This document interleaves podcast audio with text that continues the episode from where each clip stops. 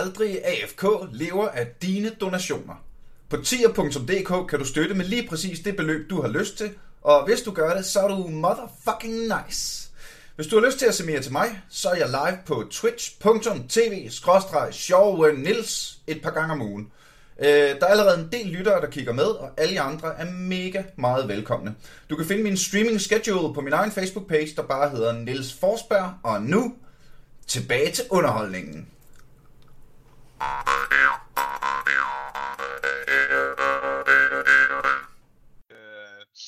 It's like uh, I've I, and I'm very I'm truly sorry I can't uh, bring you into the podcast under the normal circumstances where we sit in a professional radio studio with a fantastic coffee machine. like I have I have I have guests who mainly want to be invited back for the podcast just for the coffee. well, that look that sounds nice. I look forward to it in the future sometime, maybe when. Well, if you uh, happen upon uh, Copenhagen, uh, the suburbs of Copenhagen, you are very, very welcome. I'm sure we could. Yeah, keep talking, basically. Nice. All right, I've actually already pushed the button to get this thing rolling. Very, very welcome to Never AFK, a podcast about gaming in quarantine still, but with extraordinarily good company here in the uh, well, the online studio, I guess. Uh, very, very welcome, Peter from Dreadlands. Hi. Uh, this, this is my like Peter Nilsson, creative director uh, from the uh, uh, new indie. We can call you indie, right? Yeah, we can call me uh, us indie. Sure. How how big is your? Uh... Yeah, we're we're quite small. We're five people, uh, four four full time and one uh, intern. Yeah, yeah, yeah. So uh, behind the uh, upcoming smash hit that will soon be available all across the world, Dreadlands. Yes. And now, before we get way too much into this, Peter, I would just like to tell all the listeners what a patient and, and helpful man you are. you see, this isn't my first rodeo in being a complete idiot and fucking up a recording. I think I have the most I have the most wonderful guests. They're so patient and they're so sweet. uh, but uh, this is our second shot at doing this thing. yes, it is. But I'm glad to be back. It's just fun. Well, it's good. That's good because I, I, had a lot of fun talking with you. Uh, so I hope we'll have a lot of fun trying to repeat ourselves word by word. But um, thank you so much for being back and being patient with me, and thank you so much, my dear listeners, for being patient and nice in this time of need. Now, Peter, Dreadlands. When yes. I um, uh, when I before speaking with you, I thought like, uh, okay, I'm gonna get some uh, first-hand impression of this thing, and I saw some, um, I saw a couple of YouTube, you know, playthrough test throughs. You're in beta now. Uh, we're in uh, early access right now. Early access. So, Yes, so it's um, it's uh, we're on Steam, so it's possible to to buy the game and support us and try out the game before the final release. Cool. And kind of help us with the feedback and all that nice stuff. Yeah, because that's the that's the thing when you release the uh, early and when you're an indie developer with hmm. four and a half people full time. I'm I'm I imagine that the value of a community to just punch hours of playthrough through must be yeah. uh, completely through the roof for you guys. Yeah, it's very extremely valuable. Um, and also we have so it's such a big game, so we we really need to we lots of different kinds of uh, systems that we want to try out, and it's really really helpful to have a big community helping us out and giving feedback and and testing and trying out what works and what doesn't work. And also when you're in early access, you have a little bit more uh, freedom to try new stuff mm-hmm. uh, to see what works and what doesn't work and things that doesn't work you don't you can uh, go back to kind of scrap them and go back to square one and try something else instead which you yep. really can't can't really do when you you can do it in release but it's not uh, uh kosher Yeah, exactly. You don't like, you don't want to do it. Um, yeah, yeah, but yeah. in early, early access, uh, everyone is more on board with like with we're trying different stuff and see what works and what people enjoy and what people does don't enjoy. Um, yeah, so well, uh, really really helpful. We, if we start from the like the complete scratch, uh, we're talking about a turn-based tactical um, shooter fighter XCOM style. Yeah, so we're we're very inspired by XCOM and, and games similar. We talked a lot about uh, that in our last talk, if I remember. Yeah, we're gonna speak. We're gonna do it all over. I'm terribly sorry.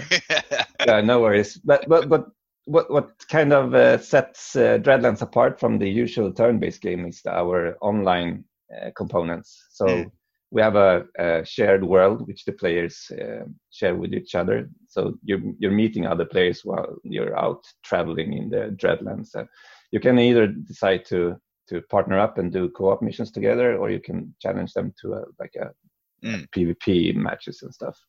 Because we um, uh, let's start from the, the the biggest thing on my mind when I saw this the first time was, you know, the, the XCOM didn't XCOM and maybe the first XCOM invented this um, game mechanic of Overwatch and turn-based and cover system with the 1st mm one.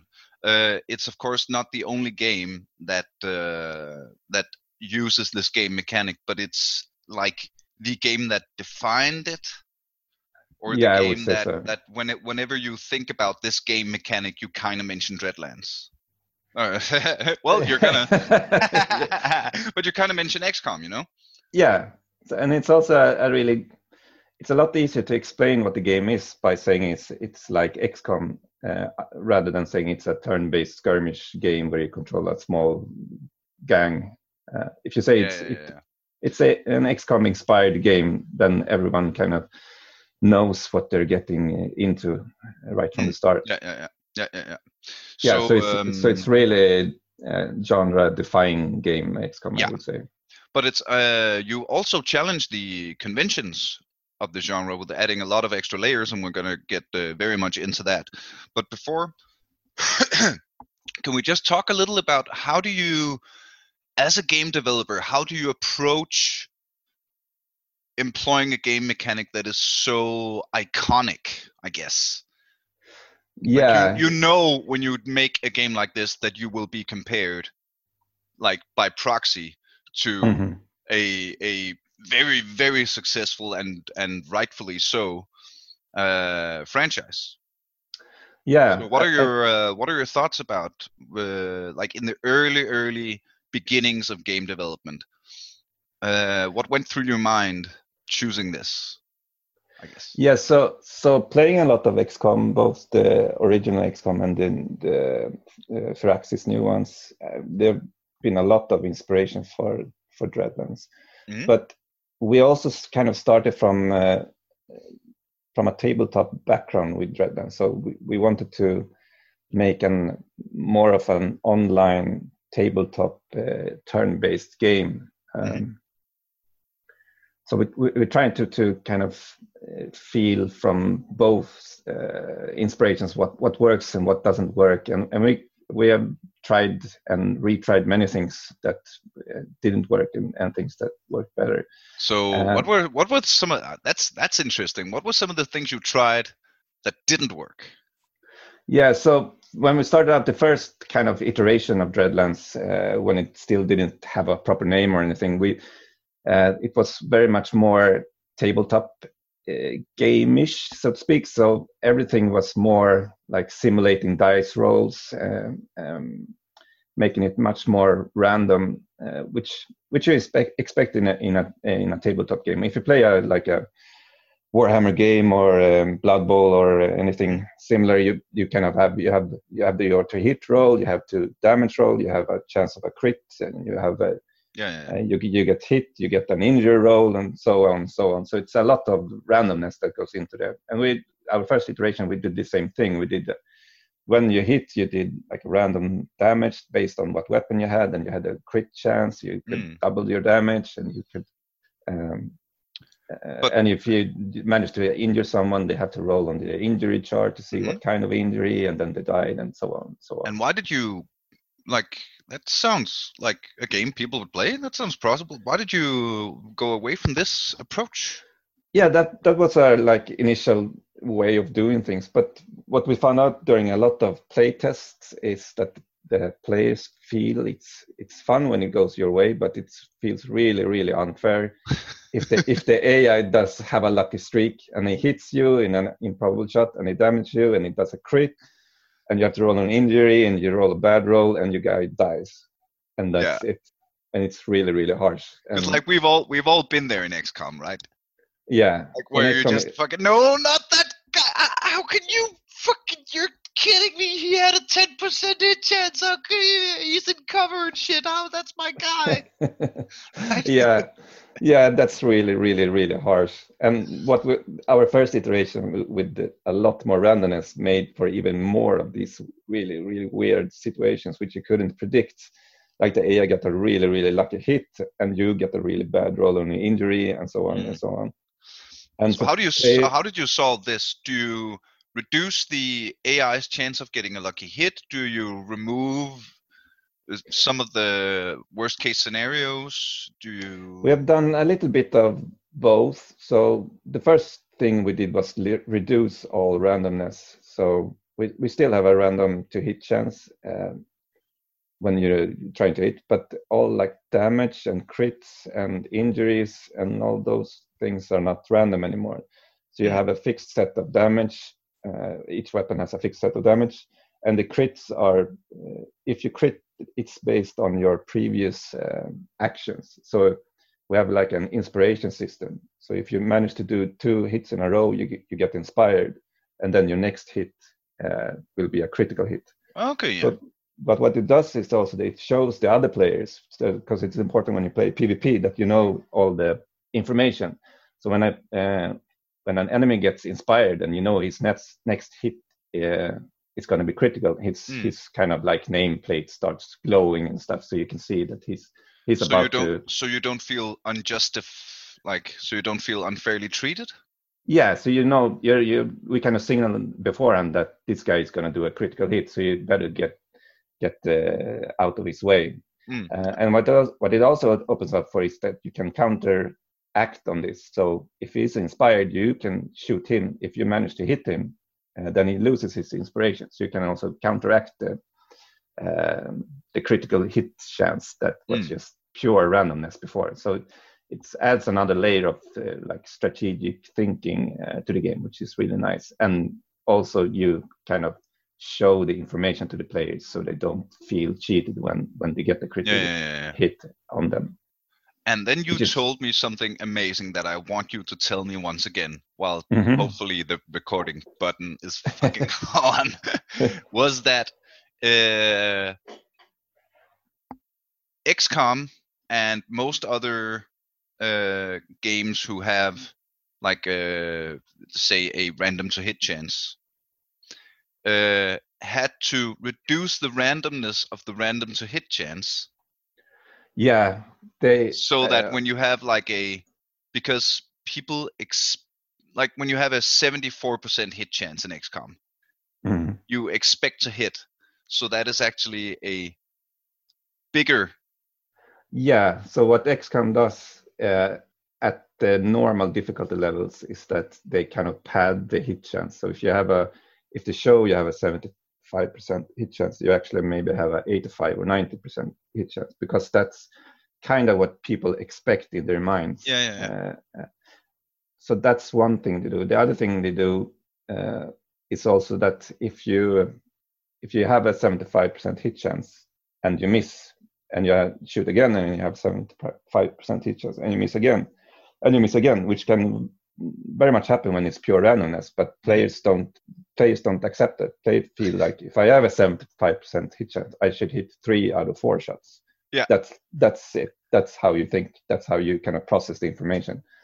So what they did uh, to kind of make that happen is like if you miss a shot, you add on an extra layer of uh, hit chance on top of it. So if you miss a 75 uh, shot. The next shot is actually 90%, but they show it's like a 75. and the third shot is 100% because people expect it to, or the fourth shot is 100% because that's that's how people think about randomness. It, yeah, yeah, yeah. It, so it's like the human mind can't really comprehend true randomness. So no, they have to I, unrandom the randomness in order for it to feel random. Yeah, because people expect something, something, especially when you have a, if you have a 50% hit chance or lower, people don't have any expectations because they know it's a higher probability mm. that they will miss. So then, then they're fine with missing like 10 shots in a row, even if they have a 25% hit chance. Mm-hmm. But uh, but if you ha- have a higher chance of uh, 50% hitting, you have you you kind of in your mind expect to hit more than you miss, and if that doesn't happen, uh, players feel like the game is broken. Yeah, yeah. And this goes the other way around as well. Uh, so if the AI hits 10% shot, uh, if they hit in one place, feel cheated, but they hit in two or three times in a row with a 10% shot, the, the, the game is broken. Yeah. Uh, and I don't want to play this. Um, which of course to... could could happen in true randomness. Yes, because there's no randomness doesn't have any history. It doesn't know what the previous roll was. There's no connection. Yeah. so there's there's a uh, every roll is uh, unique, so to speak. But, but, in our minds, because the human mind is, is so geared towards making connections. Yeah, we really want into to systems and exactly we really want to an- analyze and really kind of think oh he missed he missed uh, or he hit two two attempts yeah, yeah, yeah. he can't hit a third it's oh, impossible that's so so you have to like, kind of make it's like rules. funny strange not funny haha but it's still really funny yeah so have you done this with dreadlands we tried a, a, couple of different approaches there there's some uh, i mentioned the xcom thing which they did mm-hmm. we also tried some you can also have like uh, if you imagine a deck of cards, so when you when you do a, a, shot, you kind of pull out the card, and that card is gone, so you can't get the result until you reshuffle the deck. Mm. Uh, it's also a way to not make weird results happen uh, in a row. Uh, yeah, so, so, to speak. So we tried a little, uh, tried a couple of different things. We haven't really uh, decided on how to to make a really really balanced and proper one. Uh, I, I, we haven't. It's it's really really hard because you, yeah, you yeah. want you want to, especially when you have a PvP game, you also want to communicate this to the players in a good way, so it yeah. doesn't it's not hidden behind the, the curtain, so to speak. So we're, so, we're still uh, trying out uh, some different. Well, uh, speaking of the PvP, maybe uh, this is now where we open. So we've been through like uh, you love board games, you love the XCOM series, uh, like, but uh, how does this game differ then? Because like when you make the now, I think you've made some excellent and very very exciting choices here, in order to separate yourself from just being an XCOM clone. Yeah. So uh, first of all, I guess the multiplayer yeah so yeah exactly we, we, we really want to I, I played a lot of mmos in my days and i'm kind of mm. like mmo damaged in my brain so i have a hard hard time to play single player games when there's no other players around me even if i don't interact with them i still want to have players around me to see like what they have accomplished and i, I can show off what yeah, yeah, yeah. Uh, awesome rifle i have right now and and those kind of things so i think that's really a, big part of the like player experience, and I think it's a, a little bit it's a really new take on the turn-based genre because they're traditionally very single-player focused and like story-driven. And we're well, trying I'm a, trying something I'm a guy Yeah, I'm a guy that really likes the single-player, story-driven.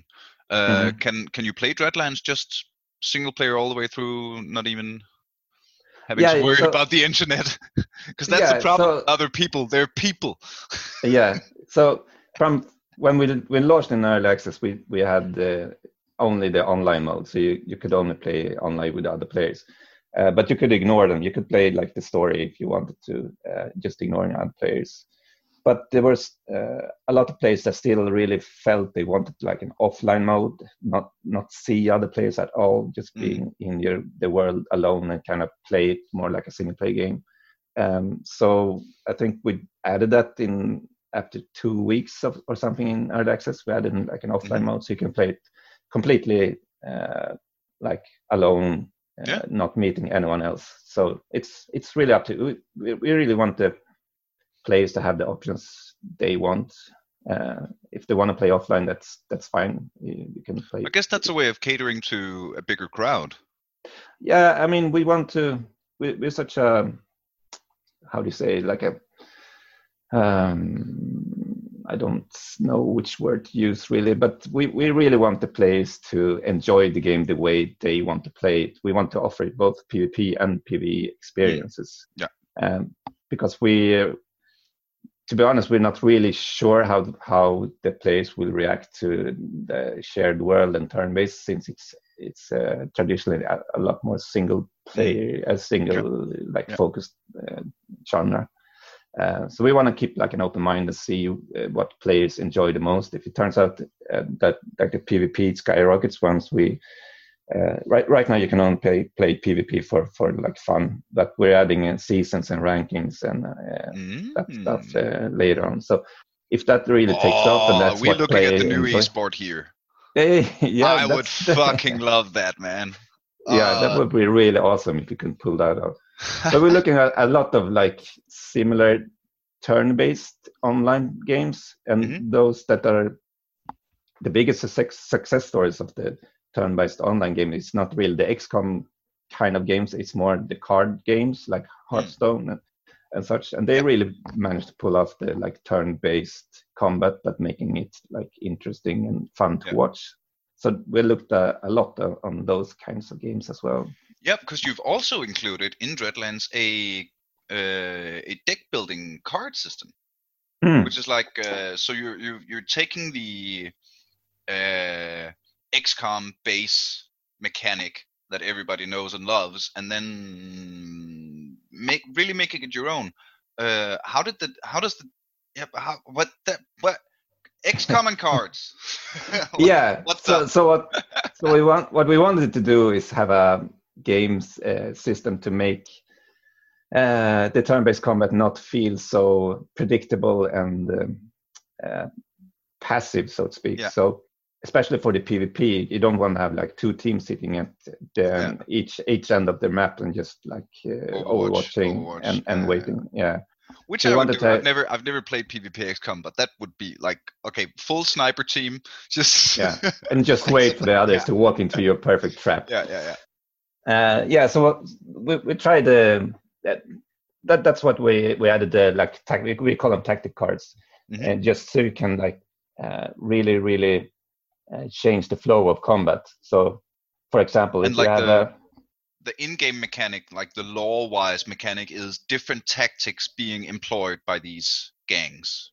Yeah, so they have a we have a right now we have two different gang factions, and we're having adding a third for release but we're trying to keep the tactics like uh, in um, uh, their kind of uh, what do you say spirit their yeah in their spirit in their Vibe. lore so yeah. so the so the like the nature faction they can deploy totems and stuff so if you have a the enemy gang really hunkering down in some uh, covers and just overwatching, you can put down like an explosive totem in the middle of them, which will explode the next turn. So they really have to get out of there, uh, just to to really make sure you can uh, change uh, the flow of combat and you have to kind of adapt to what the other guy uh, the, your opponent is playing for mm. kind of tactic cards so can you so see your opponent's tactics cards no you can't ah so they're secret but we're we are now now i'm getting a little bit ahead of myself but we're uh, planning on a fourth faction which is going to be much more sneaky stealthy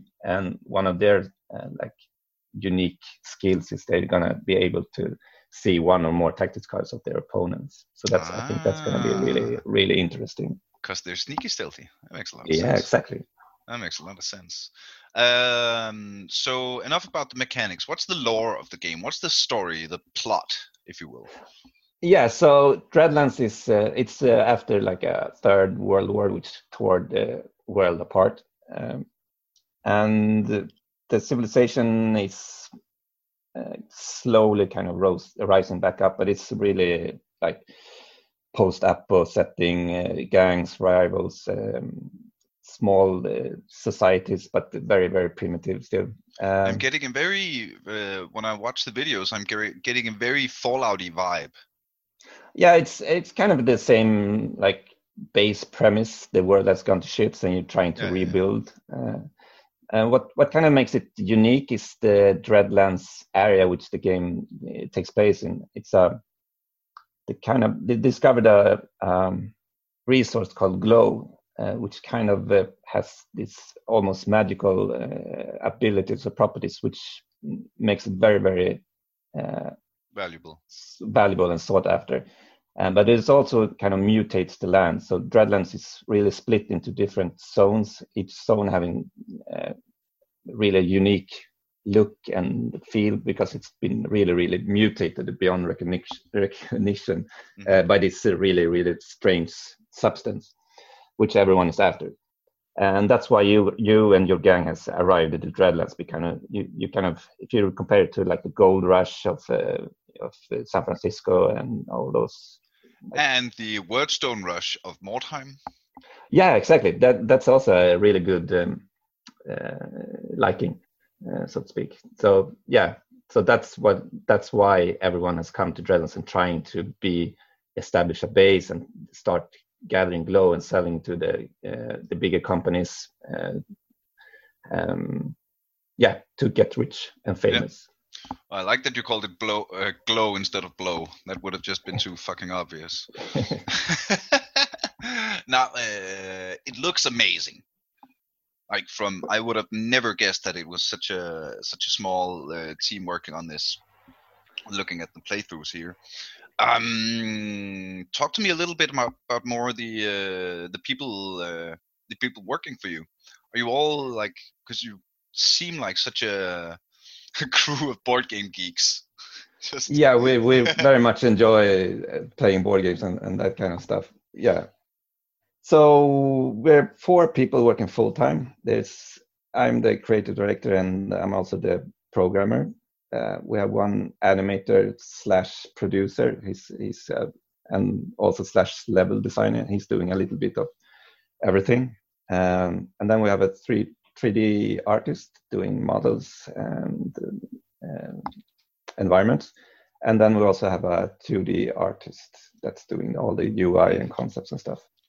And we're also uh, having some help bef- uh, from a couple of other uh, guys, more um, former colleagues of mine who's been uh, hanging yeah, out. Yeah, doing some game writing and concept and, and stuff. Yeah, so it's, we're a small but really close together team. You must be like so. You're both the creative director and a programmer. Yeah, so that's an, a nice that combination. Must, that must be that must be such a, a sweet combo. like, it's really really nice. Yeah. Because I would imagine in in bigger companies uh, where like being a creative director and a programmer is two very like what can you say separate skill sets. Yeah, very much so. And, and I would assume that sometimes things could get uh, what can you say, lost in translation, I guess. Yeah, very much. So I mean, it's a really blessing, or it's really good to be the creative director and programmer. And but having said that, we we're such a small team. We we're kind of talking about every decision together before we make any major yeah, yeah, changes and stuff. Yeah. But it's also kind of a blessing in disguise because you got to do I'm, a fuck ton of work. no, yeah, that that part too. But I mean, if we have like two ideas, two really good ideas, and we're kind of trying to decide which ones to go with, I, I kind of know which one will be the fastest to implement code wise. I can like we can do ID one, which takes a week. We could uh, do, do ID two, which takes a month, and then we go like, yeah, we do that with the. And I say, let's do the the one that takes a week because yeah, that yeah, yeah. only takes a week. But that doesn't mean it's the best idea. You that that's not. Uh, I mean, so if, if uh, I guess I, I I see that in in comedy, like uh, Uh-huh. when uh, like someone goes, "Oh, I have this, uh, I have this fuck." Uh, let's say Donald Trump says something dumb, Mhm. right? Yeah. And you want to do some comedy about that. Uh, if you can, uh, if uh, imagine with your imagination that Donald Trump said something dumb, well, what can you do about that? You can uh, do a stand. You can make a stand-up joke. Mhm. You can uh, make maybe a funny music video. You could do an online sketch. You could do a. Uh, you could write a sketch for some of the. Uh, the do you have that in Sweden? Revue. yeah, yeah, Yeah, yeah, like right. a comedy Uh, show kind yeah, of yeah, thing. right. So all of them is still, let's say, it's the ba- same basic joke, right? Mm. Joke uh, based around the premise of, let's say, uh, I've I've I've had some jokes about the fact that he once said, "I'm so humble, you can't even begin to imagine how humble I am," right? Which is a joke in of itself. Yeah. Um, but writing a stand-up joke about it means I have to see that in a newspaper on my way to the comedy club, and I'll just rip out the page of the newspaper and write a little note, and ten minutes later I'm on stage with the joke about Donald Mhm. Trump, right? If I want to make a mus- music video, well, first I got to find some music. Someone to make that for me. I have to make the music for myself. I have to write the thing, and then I have to uh, tape record the thing, and then that has to be mixed in order for it to sound make my shitty voice sound nice. And then after all of that, I have to find someone to uh, who can film and edit the fucking video thing, and then I have to find uh, gather all my friends and like the so that basically what I'm trying to say is the same output for a recipient requires such a different amount amount of production, yeah. Right? Yeah, exactly. uh, and it's the same with game developing. Yeah, kind of. I mean, I yeah, yeah, exactly. It, it kind of depends how far you want to take the. If you have an idea of a new tactic or skill or something, you can Mm. always take them, take them. How far you want to take them? How how well Yeah. made do you want to do it? Um, and how much that interferes with the rest of the code. I guess. Yeah, yeah, yeah, exactly. I mean, if you had two tactics which are really, really similar, but some one of them touches all the other game systems, may have to do like really ugly code hacks to just make it work. And the other one is just more clean. It's more self-sufficient. It can just exist on its own. Yeah, And I, I really like the, that that option a lot more. Is there especially uh, especially now that we kind of have a live game so any changes in like the core code can Yeah. potentially cause a lot of bugs and and, and we don't really have the uh, qa resources to test everything the way we yeah, would yeah. want it to test it so it's Yeah, really yeah, we, we really kind of want to only do that if you must really must. So how has the uh, how's the recep- the reception been now that you've uh, released it into early access? yeah it's been really great. We have a really nice score on steam and positive reviews and we have a really really nice uh, discord community going on with lots of active players uh, so i'm feeling really good. Um, we could always sell more games of course but i mean we're still aiming for like the big release later this year uh, and that's going to be like when we have a finished uh, product to release it's going to be uh, really really awesome I'm uh, very much looking forward to it. Nice. Uh, I'm getting I'm getting really curious just watching this now. Gonna have to say. Uh, now, uh, are there other in your teams who do like two parts? Creative director is also the programmer. Do you have a salesperson who is also your company masseuse or something? Yeah, yeah, exactly. We we have the the our animator is kind of the best example. He's even more extreme than me. He's doing like the animations. He's doing level design. He's doing environment stuff. He's also doing quests uh, and quest design, and he's also kind of the producer of the team as well. So he's doing a lot of planning and making sure that everyone is working on the right stuff. So he he he has his hands So full ba- as basically, well. his job is giving himself homework. Yeah, exactly. So he can. Nice. yeah. Um, but the other, other like the 2D and 3D artists, they're, they're more specialized in their roles. It's uh, more uh, doing different kinds of UI and concepts, but it's still like 2D art. Um, mm. Yeah. Uh, well, in this uh, day and age, I'm gonna change the subject into something. but uh, I was um, the podcast we tape here is taped at a radio studio, and mm-hmm. um, uh, one of the radio hosts called me and I did a radio interview with him just in the beginning of the quarantine, and he was mm. like, uh, "So, do you know how this affects the game developers?" Mm. And I said, "I."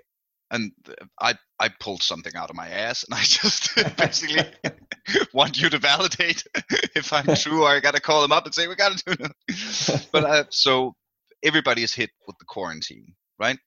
Yeah. But being game developers, I assume that you are used to working online based and that you are maybe le- more comfortable with like let's say online meeting systems and your discord channels and all of that than maybe other businesses who have to change their way of operating more yeah yeah i would very much say so i mean we're we have been working from home uh, before uh, the quarantine now and then. I mean, not all the time, but uh, we we didn't really have an office when we started out, so we, mm. worked from home a lot. Did you have um, Did you have the cliche basement? I feel like every good good indie game. We did a have a cliche. We, we we started working from home, but our first office was in a basement that nice. we shared.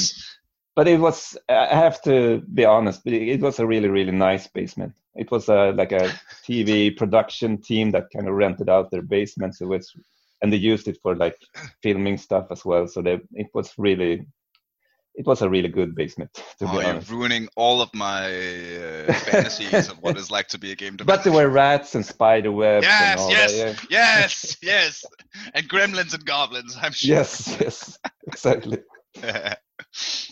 so you seem oh. like you're you're you're doing okay.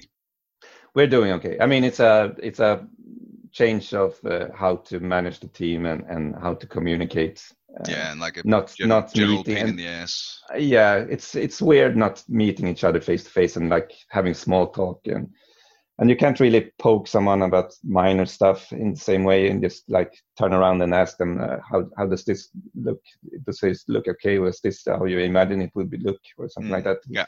It's a everything is more like a process. Yeah uh, and, and more heavy. more yeah. So I feel, I mean, it's it's working, but I, I'm getting a little bit sick of this quarantine stuff. Yeah, I think most people are. But then again, like yeah. you're in a business that is, as far as I can tell, thriving in in the quarantine. Yeah. Like yeah, the amount of mean, the amount of hours people game, as as opposed to how many hours people spend gathered a hundred plus people in comedy clubs yeah, that's a lot tougher for you guys. Yeah. I mean, we're we're kind of yeah, as, as you said, we're kind of thriving because they actually kind of recommend staying in like yeah. social social you can play games with your friends online it's, it's a way of being social at least and they, they that's what they recommend you do now so i mean yeah it's good times for the for the game industry in, in that aspect but I would rather have have it the yeah, way it yeah, was. Yeah, of course. Yeah. So but, but it was really really tough for you with the like having not being able to do anything with other people mm-hmm. with an like audience I'm, or anything. I'm gonna I'm gonna I'm, uh, it's hard. Well, it's gonna be like a couple of weeks before this uh, goes out, but I'm gonna start streaming again. Okay, yeah, and like nice. uh, I did I did do some streaming and was a little bit scared away both by like it's the same thing because then you know i'd start a stream and people would write in the chat no sound mm-hmm. and i would just be but then i but the but, why is there no sound but just there was sound yesterday i yeah. I, I, I, fuck, I hate, I feel so unprofessional yeah. when that happens. It just annoys me and also yeah. i i know quite a few streamers and i know like the amount of effort it takes to get a successful like get get a stream to grow. Like Yeah. everybody can be a streamer and have three people watching, but if you actually want to like do it professionally and have some sort of income and have some sort of like community building, that just Yeah. requires a lot of resources and a lot of presence yeah that I didn't yeah it's have. it's uh, uh, it seems like a really really hard work being a streamer like you have to you can't take any kind of vacation or anything because when you don't stream in your usual hours they, you lose your your Yeah. audience so fast yeah, yeah, yeah. so So, uh, but I, yeah, I'm just I'm I'm gonna do it just to have something to do because like I don't know when the theaters are gonna open and uh, there's a couple of festivals I usually do every year Mhm. Uh, Yeah. who are that are of course canceled this year. So like, and I mean I'm sitting in here playing computer games anyway. like I've just been fucking. Uh, let's see, it is now the it's the 17th yeah uh, today. This uh, episode will be out in a couple of uh, a couple of weeks, which means that I have now 18 days ago. Speaking of early access game, I bought uh, Mount & Blade 2 Bannerlord, yeah i remember you talked about that when we talked and uh, Last time. I have so far cracked 80 hours in 80 in 18 days. that's uh, that's really good Yeah, I'm really I'm I'm happy about you about should that. you should uh, feel proud of yourself I'm feeling I'm feeling pretty, pretty good about myself. uh, and uh, so like I'm, I'm just sitting here anyway yeah and i miss Yeah. people and interaction and i miss my fans like fuck Yeah. it let's just do the thing and then now i'm not going to care how many people show up yeah and just well, see what happens so when is uh when is dreadland set to Um, yeah, we kind of want to. Our plan was to have it in early access for about uh, six months or something like that. Uh, we haven't set like a hard release date because we really want to make sure we make the game we want to, uh, Yeah. and that's also kind of uh, also being able to uh, uh, act on all the player feedback and what players enjoy and what players don't enjoy. yeah yeah yeah Uh, and uh, a massive shout out from uh, from the uh, from the board of this podcast to game developers who take their time to make their games finished. Yeah, I Like- mean it. Yeah, it's it's. I think every game developer really really wants to take. I mean, I would, I could, I could probably work for this game on this game for like five years more if I. No, of course, Had- some like there has to come a point where like we okay we can't polish this anymore. Right. Yeah, Sure, there has to come a point. I want to I, when I write a comedy show, I want to keep rewriting it until it's fucking. But at some point, you need to like get it out there, right? yeah, exactly. Um, but there's and it's a, really there- there's really a hard difference. to. There's a difference between wanting to do as best as you can within the reach of your resources. Mm, There's a difference between doing that and then making Fallout 76, mhm. right? yeah, Like, yeah, uh, there's a difference between uh, what other buggy games have I played recently? Like when you when you play. Well, if, if- again, I I usually use uh, Firaxis, uh, the XCOM producers, as the Mhm. good example of this. Mm.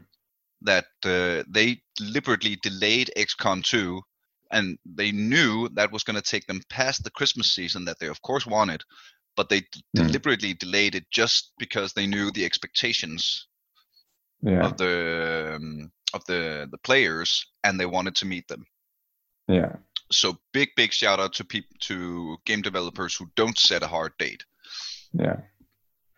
I, it's it's really really hard to because you have so many moving parts because it's uh, usually it's not uh, all about the development as well because you have like a market if you especially if you're a big company you have a big marketing uh, department that has their own agenda and they have a, like yeah, a yeah, yeah. set date and they have to work to, to that date and they launch massive like advertising campaigns that Yeah, cost yeah, a lot of money and uh, all that kind of weird stuff or not fun so stuff. i guess you're uh, that's uh, one of the few privileges of being a small developer Yeah, we, we kind of we're working. Uh, Fat Shark is um, our publisher, so we're working with their marketing department. So we we we still have uh, some of those. Uh, uh, like we have to they really want a, a, date as fast as possible when we can release it so they can start working towards it but yeah. but we're still deci- at least deciding our own release dates and and all that. I mean we uh, i have had like when you have worked for uh, other publishers in the past before uh, like I worked at Fat Shark before I started Black Fox Studios, mm-hmm. and sometimes you work with publishers um, which kind of decide that this game has to be released at this date, and there's we, we can we won't back out of it, and that's really really hard on the developer because the developer is the the guy the bad guy in the eyes of the yeah. players. Uh, like yeah. why did you ship uh, like a buggy game why didn't you finish yeah. up this yeah. but when you didn't really get an opportunity to do it so that's really really hard mm. but that, uh, luckily for us we're not in that situation right now so Oh, it also seems that uh, I get the idea from talking with Martin that uh, the people at Fat Shark are like kind of cool and laid back. Yeah, very much. Like they're really, really good guys. Very professional, of course. Like uh, doing a massive. What was that? Three million. yeah, it's uh, crazy. Registered players from Vermintide 2 now, which is just yeah, that's awesome. Yeah, that's so cool. That's so cool. Yeah. I, I I wish I I wish I liked Vermintide. Mm. I mean, I, I I think it's an amazing game, but I don't think it's a game for me because yeah. I get fucking stressed. there's yeah. just there's yeah. Many, I worked. There's I worked a lot on yeah. I worked a lot on Vermintide one and and a little bit on the second one as well. And I'm not really an FPS or co uh, like FPS player. Yeah, no, um, like you, you get stressed out, and I I really I enjoy it for like 10 minutes and then I get so yeah, yeah. out. So I have to play something else for a while. But it's just a really, really good and challenging game. Mm. And it's gorgeous. It's gorgeous. It's it so really, really is. Um, so, uh, what it seems like uh, you kind of get the best of both worlds then. Uh, like yeah. You get to be you get to be uh, indie. You get to be a small team yeah. Um, you, that uh, can uh, work with like a common goal, uh, but still you have the the backup of the big boys. Yeah, yeah, it's a really really good uh, situation for us. I mean, we're really small, ni- uh, nice, and like close uh, developer mm-hmm. group of people, but we still have the help from Fat Shark with the marketing stuff because we I have no clue how to do marketing. Yeah. It's uh, it's so far off of my league, so it's ridiculous. Yeah, yeah, and to have them help us with that, that that's just awesome. And also having like um, access to Fat Shark's knowledge when when you kind of need some something isn't working or you need to some game idea is not shaping up the way you hoped it would be mm. that you can talk to them if they have they have so much experience just to, yeah. to get help. That's really really good. Really so nice. shout out to shout out to fat shark. Yes indeed. We love you. Um, can we talk a little bit about the game developing business in sweden in general? Uh, sure because I I know from the Danish game developers I've spoken to mm. that the uh, the Danish scene is very um, it's it's quite small. Mm. Um, it's very intimate in the way that like kind of everybody knows everybody mm. just from people go to the same conferences and the same uh, the same game jams, and basically everybody's worked with everybody. And yeah. it's also it feels like it's very artistically driven, mm. which is also based on the fact that the uh, the Danish what's it called when you get funds when the government helps you. Oh yeah, yeah. Um, right. Yeah, yeah, yeah, I don't know. You, you know what I'm talking about. Yeah, yeah. Those money come in Denmark from the cultural pile. Right. Whereas in Finland, I know, and Sweden, I think those money comes from the industrial pile. Yeah. Which is way bigger than the cultural yeah. one will ever be. Yeah, yeah, yeah. I think we have a little bit of kind of both, but yeah, the industrial is probably a lot bigger. Yeah, so that's like my my prejudice. Uh, it's not a prejudice, but my my uh, idea without knowing about it about the Swedish business is that it's more. It's a, first of all way bigger, yeah. but it's also more integrated into the uh, economy, e- uh, economical. Yeah, I think uh, you don't get a lot of like money uh, trying to start up uh, like a game development company. It's really really hard in Sweden. I would say you, you don't get a lot, but I think the since since Sweden and, and Stockholm has a lot of successful big companies like Dice, Avalanche, and Mm. and uh, a lot more Paradox and Fat Shark and such. I think there's, uh, I think it might be easier to get investors on board to uh, for startups. I think Yeah. that that could be a, a really big difference because they can see the success stories like you know, right next doors. Yeah. So Yeah. So, th- Um, so that I would imagine could be a big big difference. and of course Sweden is just uh, a bigger country, both uh, uh, like uh, square feet and number of people. Yeah. So I assume it uh, it wouldn't be as as easy to have that very tight, everybody knows everybody kind of vibe. No, yeah, we we kind of have it in in Stockholm. I think almost all the like game developer companies is uh, located in the same area in the south of Stockholm.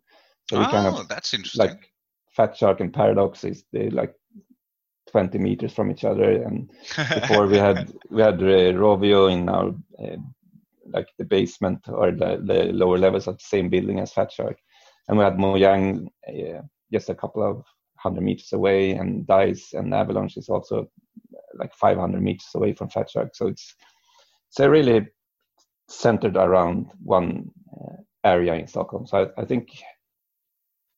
Uh, they're, they're bigger companies like Dice. I don't know. There may be 500,000 people now, but yeah, yeah. so so it's impossible to know everyone but i think you you know a lot of people Well, uh, you, it's I did a little bit uh, many years ago when uh, I wasn't skilled enough a skilled enough comedian to get spots in Denmark. I traveled quite a bit.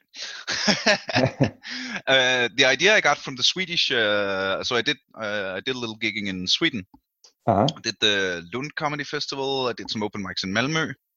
Hmm. Um, the uh, the idea I get about the Swedish comedy scene is that it's like there's one comedy scene in Malmö, Hmm. there's one in Stockholm, and there's one in what somewhere north. Hmm. but they're like uh, like it, they seem like uh, closed systems. uh, right Uh, hard to to get into Well, um, just let uh, I've, I got this idea from speaking with the Swedish comedians that the people from Lund very rarely went to Stockholm to gig, ah right and uh, like I'm if, if you have f- 15 comedy clubs in Lund, I don't know how many Ah. comedy clubs there is in Lund, but if you have 15 comedy clubs and like you can get a spot right next door, there's not a lot of reason to go out of your To- way. yeah leave your comfort zone But that's interesting with the game developing. So that's kind of mostly Stockholm centered. yeah i think so i mean they have the big uh, massive in uh, malmo uh, that's the only one on top of my head that's really really one of the bigger companies uh, other than that i think the, the big ones are in stockholm then there's a lot of small ones Yeah. Around uh, everywhere of course and think like we have a city called uh, Skövde, which has uh, What's it called? Skövde, Skövde. Skövde. They have a, Is they were one a of, Skövde? Skövde. Skövde? They were one of the first uh, had a, like a education for game developing, one of the first in Sweden. So they have built up like a cluster of really good small companies.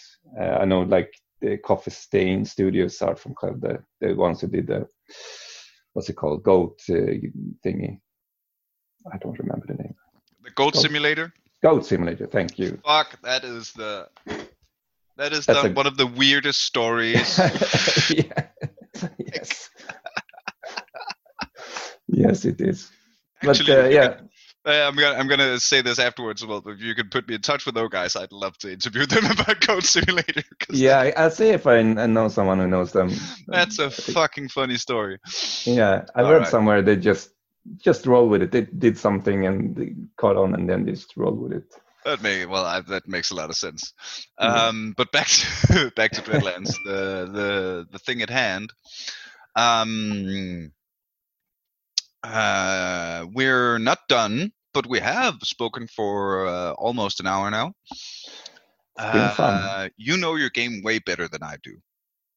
Is there anything we uh, haven't discussed? Uh, oh, can we talk about the soundtrack? Yes, of course.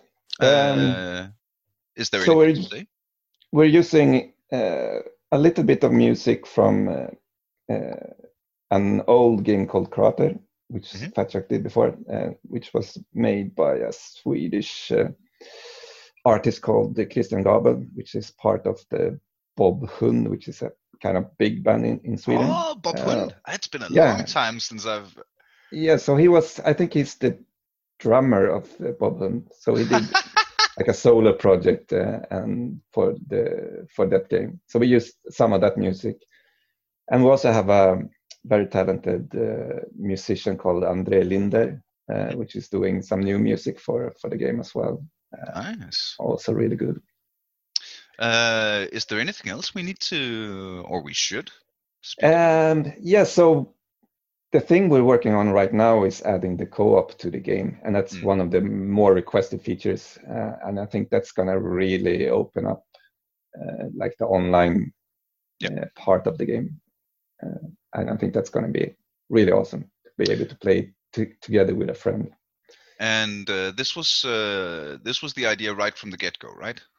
Yeah, so we designed it's uh, we're we have always had the like the online component from the start because I think being a programmer and I've done a lot of like for for Vermintide and other games a lot of uh, network programming. So I know if you don't do it from the start, like in the core of the game, it's going to be really hard to make a good uh, Yeah. implementation afterwards. Like add on co-op after it's got it's not it's hard to make it uh, good so we had we have you can actually play co-op now in in our like development branches uh, and pvp pvp you can play in the in the early access release but Mhm. uh, only for fun as i said before so we've always had the like the online component from the from the start. Uh, so we just need to uh, make a really good implementation on how uh, every system around the co-op is supposed to work uh, to make it a, a really fun experience for the players. And also having something really worthwhile to do together uh, not just doing it's fun to, to just do like combat missions together but we really want to have something more than that uh, to offer So, Yeah, so you can do combat missions now together. Uh, no, you can do combat missions again against each other, but you can't. Okay. We, we haven't we haven't actually uh, like switched the button to to allow players to do co-op yet because we want to uh, go out with that like a, have every system in place when when we uh, Mm. uh, set it live. So Yeah, yeah, yeah. So how far how far off is that? If say, uh, it, and this is a very hypothetical example. Say a dude in Denmark who really liked XCOM and has been hungering for a, for a game like it has his best friend who also really likes XCOM and they would very much like to do that together. So when can they do that hypothetically? yeah, we're working on it. It's it's really hard to to nail down a date or something like that. But yeah, I would, yeah, I would yeah. I know, I know, uh, I know. I'm just think it's- fucking. I've, I've just gotta, I gotta get, gotta get my grubby hands on this thing. It looks amazing. yeah yeah so i think it's uh it's more like one to two months away something like that it's not that far away uh, but we, we really want to make sure we, we do uh, do it the right way and make make it a good experience for everyone play Oh, that's so cool. And uh, I guess that's that could be a bombshell to end on. Yeah You guys really wanted to do it the right way and make it a good experience for everyone. Yeah. sounds, uh, Thank sounds good. you. When we uh, like, there's so many. I I know you have the. I know you have the um, the you're privileged enough in your indiness that you have more control of it over the than the big some of the big triple A's, but still you see game developers like EA just Mm. blatantly disregard everything the player base wants just for the sake of profit. yeah Yeah. So every time, like, just just not being EA is enough to give you a gold star in my book. but I Yeah. do feel, as a gamer, I do feel the difference whether or not I feel, um, what can you say? I feel seen, like I Mhm. feel valued by the companies. Like when I Yeah. when I when I first tried Hearthstone, I, I had a gig in uh, the other side of the country, and I was like, okay, I got this train ride. I'm gonna try this Hearthstone thing. I played a lot of Magic cards. Let's see what happens, right? Mhm. and so I uh, the first I, I click in and I win three matches like 20-0, 18-0, 19-0 and then the first thing pops up that says would you like to spend money on this I'm like Mhm. nah I don't think so and then I lose three matches 20 Mm. to 0 19 to 0 18 to 0 I'm like you gotta be shitting me you just told me that I'm not supposed to play your game if I don't spend money on it Yeah. so uh, of course I'm going to spend money on your game, but that means I'm going to. Is there microtransactions in your game? no, we don't There, see, there we go. I don't mind buying a game as long as Yeah. I buy the game that I don't. You know, let's say I buy a game about Star Wars and I'm not allowed to play Darth Vader until I spend another fucking thousand. Uh, yeah, yeah, yeah, that- yeah. I, I really don't like that kind of. That that whole FIFA shit show they've got going on right now yeah, is just. but I mean, it's I, I, it's it's working for them uh, obviously, so they're gonna keep doing it. I mean, Yeah, yeah, yeah. we as players have to stop buying those loot boxes and stuff. Yeah. that's the only way they're not gonna do it anymore. I think because they make so Um, much make so much money on those. Yeah. crazy. Yeah, But didn't they, didn't they lose a, a fuck ton of stock value after the whole? Uh, Yeah, for the um, Star Wars thing. the- Yeah, yeah, that's true. They they took it too far. So I guess lesson learned. Yeah. Some- Well, I'm uh, I'm glad there is a too far, even for gamers. Yeah, And I am truly, truly glad Peter Nilsson from the uh, company behind. What's the name of the company? I'm just calling you the Dreadlands company. So uh, Black Fox Studios is the Black name. Fox Studios. I'm gonna write that Yeah. Uh, thank you so so much for um, being patient with me and uh, taking the time out of your very very busy schedule to to chat with me once again. Uh, if uh, people want to try Dreadlands, uh, Steam work Steam. Yeah, it's on Steam, early access. It's uh, I think it's uh, sixteen seventy something euros. So it's uh, it's uh, very affordable. You get a lot of content for that. I mean, uh, we have uh, almost fifty hours playthrough time or something like that. If you want to play this, like the story only. Well, here's a giant, giant uh, shout out to Black Fox Studios and their new game Dreadlands, which will is already available on uh, Steam Early Access. If you want to join in and feel like a Fallouty inspired XCOM online Mordheim ish. Yes, perfect, perfect description. I couldn't said it better to myself. co-op PvP ex- gaming experience. Yes. Uh, We should uh, put that on our Steam Steam page. yeah, yeah, yeah. Well, you can quote me on that. I've already, Yeah. uh, I've already fucked you up. You get that one for free. Um, thank you so much for spending the time, Peter Nilsson. Thank you so much for listening, dear listener. Please do uh, smash that like button on the Facebooks. Uh, it is the easiest way to uh, give us. Uh, I'm gonna. Uh, fuck, uh, det er den nemmeste måde at give os ris og ro på, ikke også? Ros på. jeg kan ikke engang snakke dansk nu. Og at øh, komme i kontakt med mig, hvis du har nogle gode idéer, eller øh, noget, du rigtig, rigtig gerne vil høre om. Øh, tusind, tusind ekstra tak til de vidunderlige mennesker, der støtter os ind på tier.dk. Det betyder så meget for mig, især i øh, den her øh, især i den her tid. Så tusind, tusind tak for det.